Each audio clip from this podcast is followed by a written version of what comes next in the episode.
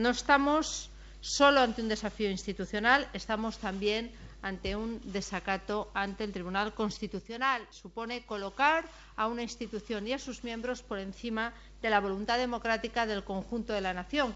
Que se imponga personalmente al presidente de la Generalitat, el señor Carles Puigdemont, y a cualquiera de los miembros de su Consejo de Gobierno la prohibición de tramitar propuesta legislativa, de dictar norma de rango reglamentario o de llevar a cabo cualquier iniciativa que directa o indirectamente pueda servir para dar cumplimiento a la resolución impugnada. Se requiera personalmente a la señora presidenta del Parlamento de Cataluña, la señora Carmen Forcadell y Lluís, a los miembros de la Mesa del Parlamento de Cataluña, apercibiéndoles de las responsabilidades penales en que pudieran incurrir. Es decir, que se les requiera personalmente para que se abstengan de ninguna actuación que pudiera suponer vulnerar las decisiones del Tribunal Constitucional.